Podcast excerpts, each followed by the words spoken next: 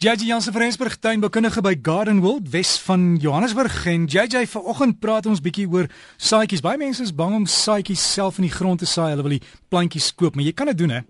Weet jy, baie mense is net bang om te misluk. Ja, dit is glad nie so moeilik nie. Dit hoef glad nie so jy hoef glad nie so bang te wees nie, want dit is eintlik baie maklik. Nou die aande word nou lekker koel en ja, ons kan nou begin om ons wintersaailinge van saad af te kweek. Onthou, dit is natuurlik 10 keer so lekker om jou plantjies eintlik van saad af self te kweek en te sien hoe die plantjies ontwikkel en in jou tuin groei. En weet jy, onthou mense werk met gewoonlik so 2 tot 3 maande voor die plante sal blom. So as jy dit nou gesaai kry, gaan die winter skaars begin. Dan gaan jou plant al klaar vol in blom staan, so jy gaan 'n baie langer blomseisoen hê en dit is nou die tyd om dit te doen. Jy het een van twee keuses of jy met die saad in saai en kassie saai of jy met dit direk in die bedding saai. Nou goeie saaimengsel wat jy in die kassies kan gebruik, sal uit 'n fyn saaiinggrond bestaan, veen vermiculiet en natuurlik 'n bietjie gewaste riviersand. Dit is daai vier. Dis 'n fyn saaiinggrond dis 'n veen, dis vermiculiet en dan natuurlik gewaste riviersand. Mense kan ook eenvoudig by kwekerye 'n professionele ontkiemingsmengsel koop en dit net so gebruik. Hy bestaan klaar uit die bogenoemde. Jy het nie noodwendig 'n glashuis of 'n kweekhuis nodig om die kassies in te sit nie.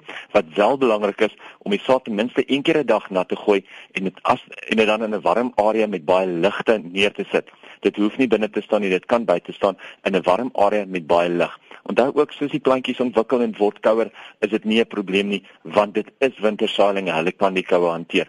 Gebruik ook 'n baie fyn sproeier want die saad kan baie keer so fyn wees dat mense dit eenvoudig net wegspoel met jou groter druppels. Sleutelblomme, gesiggies en poppies se saad is so fyn dat mense baie versigtig wees om nie die saad oral in klompe te saai nie. Die beste is om ietsie soos 'n mieliemeel of 'n suiker te gebruik en die saad daarmee te meng. Dit maak dit nie net makliker om te sien waar jy dit gesaai het nie, maar dit maak ook baie makliker om dit eengalig te versprei. En van die groter en makliker saad om te saai sal natuurlik goed soos in 'n Makulanse daisies, jou jou Makulanse madeliefies soos ek mos in Afrikaans bekend staan en jou pronkertjies insluit.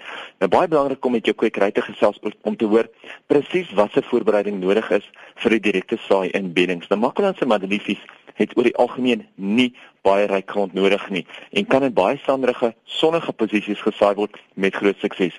Vir die eerste 2 weke of so moet hulle elke derde dag of wat nat gemaak word en daarna net eenmaal per week. Pronkertjies hou weer heeltemal van die teenoorgestelde Pronkertjies staan natuurlik in Engels bekend as sweet peas en hy ruik mos ook so baie lekker. Goed bemeste losgrond wat ten minste 'n halwe meter diep omgewerk is met baie kompos kramis, superfosfaat en landboukalk. Jy sien hy's nou heeltemal die teenoorgestelde van 'n Namakolanse madeliefie. Hy hou weer van baie baie ryk losgrond. Hulle hou ook weer van baie water. So moet dit nie op die uiterste hoeke van jou grond plant waar dit baie moeilik is om dit te onderhou nie. Onthou jy moet hom ten minste elke dag, elke tweede dag nat gooi en hy het 'n goeie deurwerking van water nodig.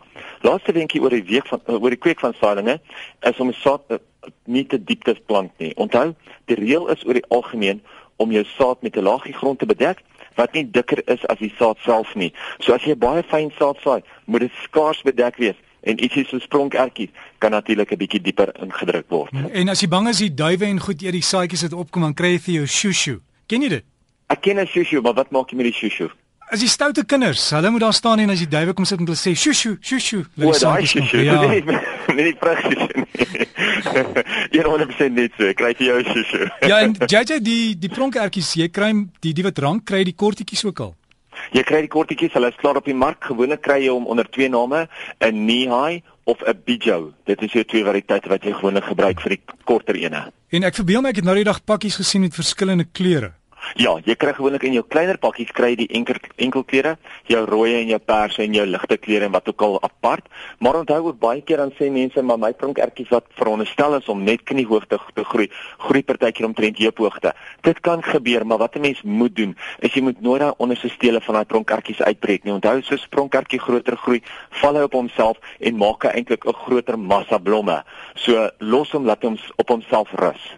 So JJ jou epos. My epos is jj@gardenworld.co.za. Ek gaan hierdie week gaan ek net die helfte van die week hier wees, die eerste helfte, so as ek mense in die tweede helfte van die week vir my epos stuur, gaan ek dit eers volgende week kry.